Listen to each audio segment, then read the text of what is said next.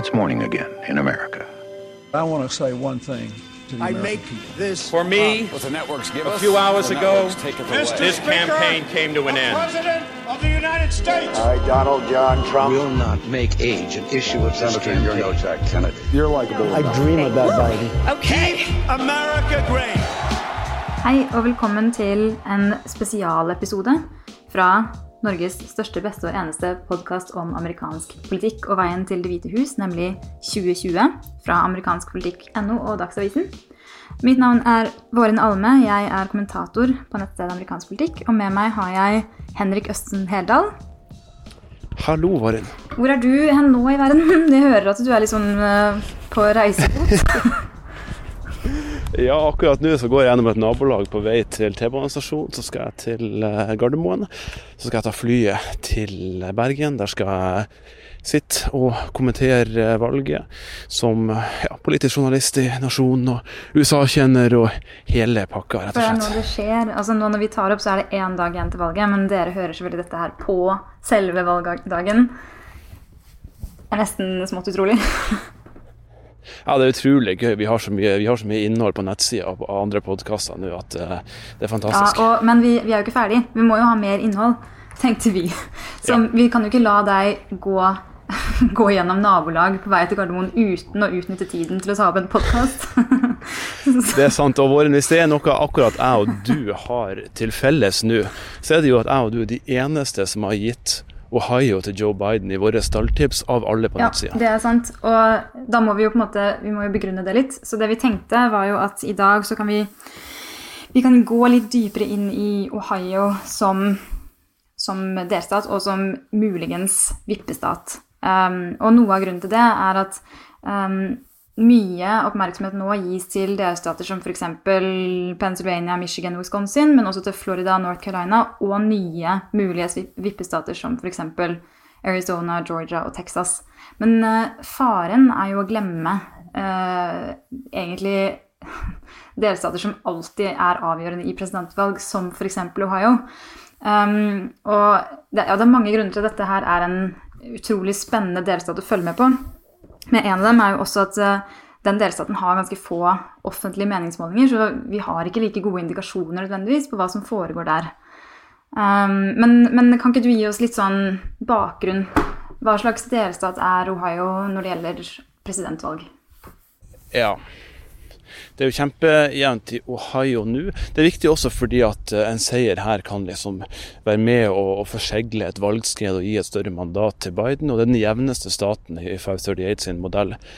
Ohio er jo delstaten som ingen republikaner har blitt president uten å vinne, og som ingen har eh, blitt president uten å vinne siden 1960. Den gikk med 8,5 prosentpoeng favør eh, Trump sist. Den viste hans styrke i Midtvesten, hent jobber tilbake, appellerte til de, til de som har mista tilliten i, i Midtvesten, og ja, rett og slett styrken hans blant, eh, blant den hvite arbeiderklassen. Og eh, de er det mange av i, i Ohio. Ohio er jo rett til høyre for, for sentrum eh, i USA, og Våren, du var jo der under primærvalget i år. Og du fikk jo høre at kanskje Ohio ikke er den vippestaten som vi, som vi Ja, tenker. jeg var der mest i, i Cleveland, Ohio, men også litt i, i Akron. Ohio Cleveland var definitivt mye mer spennende. men Akron er jo LeBron James sin uh, det er også der de pleide, var kjente for å lage sånne um, badeander. Sånne gummiender. um, Det jo villspor. Men, men nei, Cleveland eh, var en utrolig, utrolig kul by. Men det er jo også Noe av grunnen til det er jo fordi at den er ganske sånn uh, Litt sånn hipstersted, ikke sant. Altså, ganske sånn uh, urbant. Masse, masse bra mat, masse bra bryggerier i det hele tatt. Og mye spennende politikk.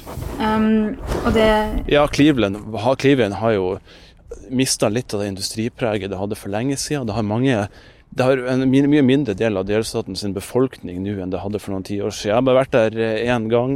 Vært innom John Glenn sitt NASA-museum, den tidligere senatoren og, og astronauten, men jeg skulle gjerne sett mer. Men eh, hva du fikk høre når du var i Cleveland og Akron? Ja, ehm, jeg fikk gjort en del, men jeg fikk eh, særlig da snakket med, med politikere eh, og strateger. Ehm, egentlig mest fra Det demokratiske partiet, um, som var litt tilfeldig. Men, men um, det jeg hadde, da, var en rekke for meg veldig interessante samtaler. Dette her var midt under nominasjonsvalget. Det var før, før Biden var blitt partiets eh, klare nominerte, så det sto fremdeles mellom Bernie Sanders og Joe Biden um, sånn i praksis. Um, og jeg fikk både eh, tatt noen samtaler med lokale politikere rundt nettopp det, altså hvordan de så for seg eh, nominasjonskampen fremover, um, men også da rundt hvorvidt man, man, nå kan kalle Ohio fremdeles en vippestat. Og det, altså, ja, kanskje, de, kanskje vippestat ikke er det riktige ordet. og Kyle Condick, som, som um, er en av analytikerne i Sabatos Crystal Ball, uh, han har jo skrevet en bok om Ohio som heter Bellwether, The Bellwether, um, som da betyr um, altså en slags trendsetter. Eller i det minste en slags trendsignalisator. Altså du, at Ohio da, kanskje mer enn å være en vippestat, uh, forteller oss noe viktig om nasjonen. Altså alltid befinner seg rundt det uh, altså nasjonale snittet da, på valg. Ja, både i 2004 var det jo den helt avgjørende delstaten som Kerry ikke klarte å vinne. I 2012 var det altså helt sentralt for Mitt Romney som, som mista den. Og, og, Trump klarte jo å hente mange flere sånne, sånne typisk hvite arbeiderklassevelgere i nordøst, i, der industrien har forsvunnet fra nordøst-Iowa. og Appalachia-arbeiderne. Det har vært tidligere kullindustri sørøst i, i delstaten og i, i, de rurale områdene. Mens Clinton da ikke klarte å, å, hente like mange stemmer fra Cleveland og Cincinnati-områdene, sånn som Obama gjorde. Så eh, en veldig interessant delstat. Ikke den som blir å avgjøre i år, men den har jo, den har jo gjort det tidligere. Ja, og basert på eh, de siste valgene, altså at den gikk for, den gikk for Bush i 2000 og 2004. Eh, og Obama vant vel der, men ikke Clinton, ikke sant? Um, så har man jo sett på det som en i økende grad Kanskje ikke så mye lilla stat lenger, men, men mer og mer rød. Uh, særlig hvis man ser på at f.eks. så vant jo ikke demokratene noe, noe delstatsverv uh, uh, i, i, Ohio annet enn Sherrod Brown i 2018. Senatoren. Senatoren. Um, men samtidig så har de altså disse lommene, sånn som f.eks. da Cleveland, som har um, en rekke eh, ja, demokratiske lokalpolitikere. Da. Noen, av, noen av dem var jo dem jeg fikk snakket med. Og vi kan jo høre et klipp her. Um, da fikk jeg snakke med en lokal uh, altså delstatsrepresentant for Demokratene. Um, som fortalte litt om hvordan, hvordan hun så på sjansene da, for at Ohio kunne gå for altså kunne, kunne vippe tilbake igjen til Det demokratiske partiet fra. Yes, my name is State Representative Bride Rose Sweeney. I'm the state representative for the 14th House District, um, which encompasses Cleveland and four southwestern suburbs of Cuyahoga County. I am the youngest Democratic member in state politics um, and the first woman to ever represent my area. And from now until the primary, I'm going to be working to engage voters of all kind to make sure that we are having a say in our elections, that we are engaging with, you know, some of the more non-active people. I am have endorsed Joe Biden, and I'm going to work to get him elected. But regardless of who is our nominee, I'm going to work to get Donald Trump out of office and to restore civility to our democracy here. Yeah, thank you. And do you think Ohio is going to turn red or blue in November? So I think it, the biggest you know myth is that Ohio is a red state. I think that you know when we engage people, when people turn out, and it's the reason why Ohio went so red and went for Donald Trump because people stayed home. It's up to our communities, our local you know people like me to make sure that we're engaging with people and making sure that Ohio um, stays the status of a swing state, which we're really proud of. That you should come here, you compete here. The election is not determined. That we're really all a purple state, and I think that will show that in this upcoming election. Thank you so much and good luck. Thank you so much. I Cleveland-området så er jo én av fire velgere svart, så det er jo en, en, en litt mer Sammen med altså Dayton-området er jo også sørvest er jo også et, et mer mangfoldig del, eh, selv om Dayton er litt mer arbeiderklasse. Eh, der var jo, mangla jo eh, Clinton 100 000 stemmer på, på det Obama har klart tidligere. Så det er klart det er sånn som, som kommer til å bli kjempeviktig for, for Biden. Og Vi kan jo også legge til altså at nå har vi jo sagt litt om det, men, men Ohio er jo en sånn altså et møtepunkt da, mellom denne klassiske liksom Rust Belt, um, Midtvesten, industrielle staten, der hvor f.eks. uh, kullminer osv. er viktige. Um, men også da i sør mot uh, Appalachia. Ja, og uh, du nevnte Sherrod Brown, den populist, venstrepopulistiske, men ikke helt sosialistiske demokraten som er senator derifra. Han stilte jo kort, eller han vurderte jo å stille som presidentkandidat nå nettopp, nå sist. og Han fremheva det her 'the dignity of work', som han kalte hans agenda. og Så konkluderte han til slutt med at Joe Biden representerte det budskapet tilstrekkelig, og valgte å ikke stille.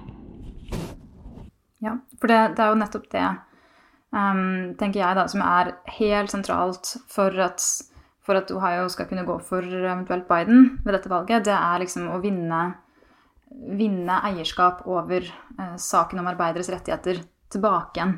Altså, demokrat, demokrater har lenge hatt stempelet som de som jobber for arbeideres rettigheter med fagforeninger osv. Eh, mange av de velgerne ble mistet i 2016, og da er spørsmålet nå om de kommer tilbake igjen eller om de fremdeles kommer til å, til å gå med Trump. Ja, Obama kjørte jo hardt på det der redda bilindustrien i, i 2012, og, og, Romney passa på en måte ikke helt like godt. Og i 2018, i, eh, i mellomvalget, så beholdt jo republikanerne den støtten som de fikk gjennom Trump. Det er jo også en veldig Han passer kraftig gerrymandera delstat også, så det er jo ganske stålkontroll på husnivået også for republikanerne.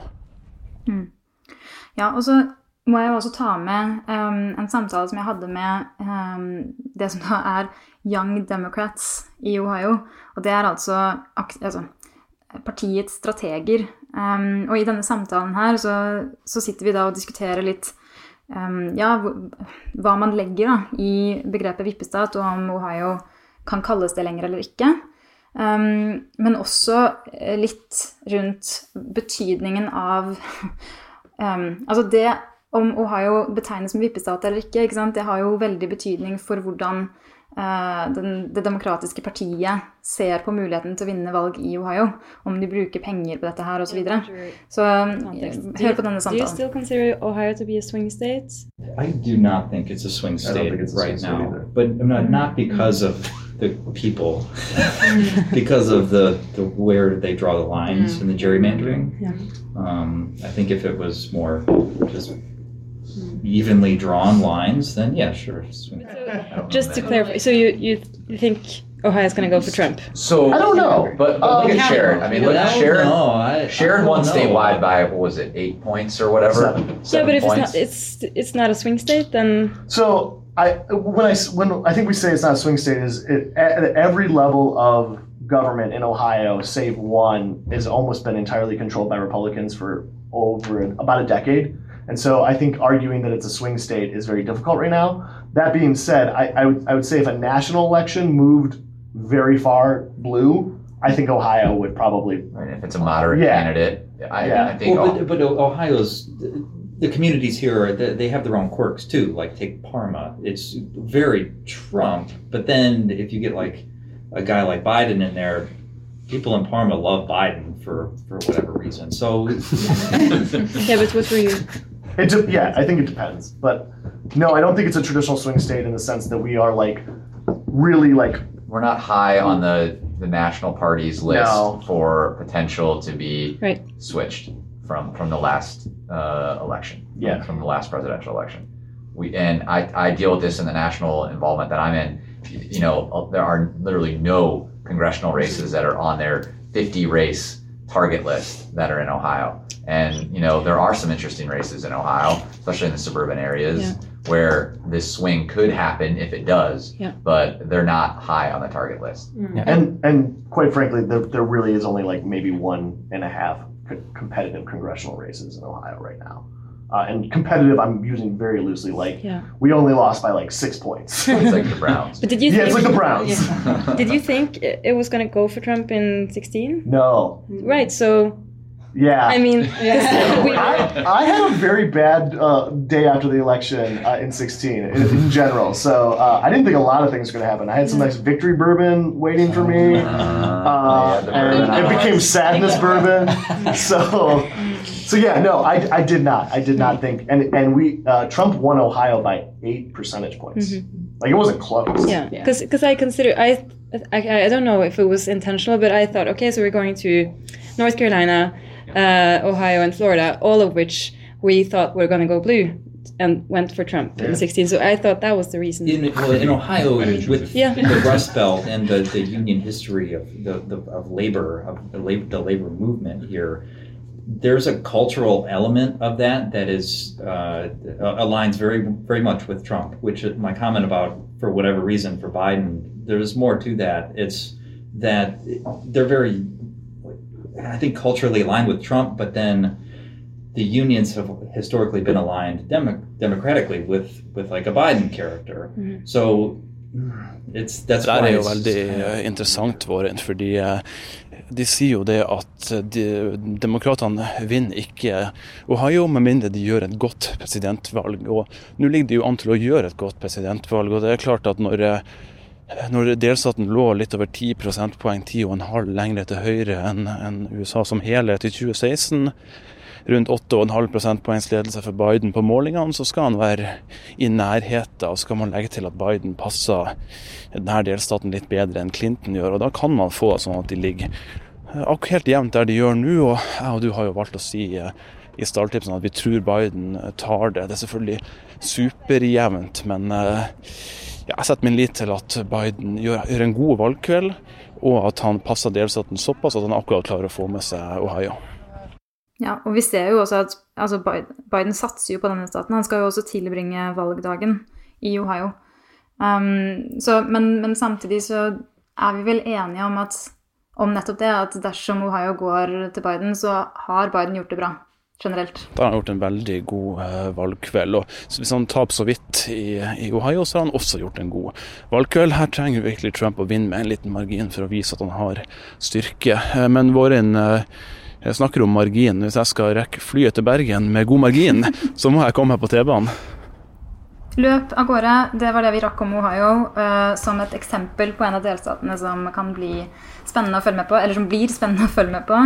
Godt valg, alle sammen. Godt valg, USA.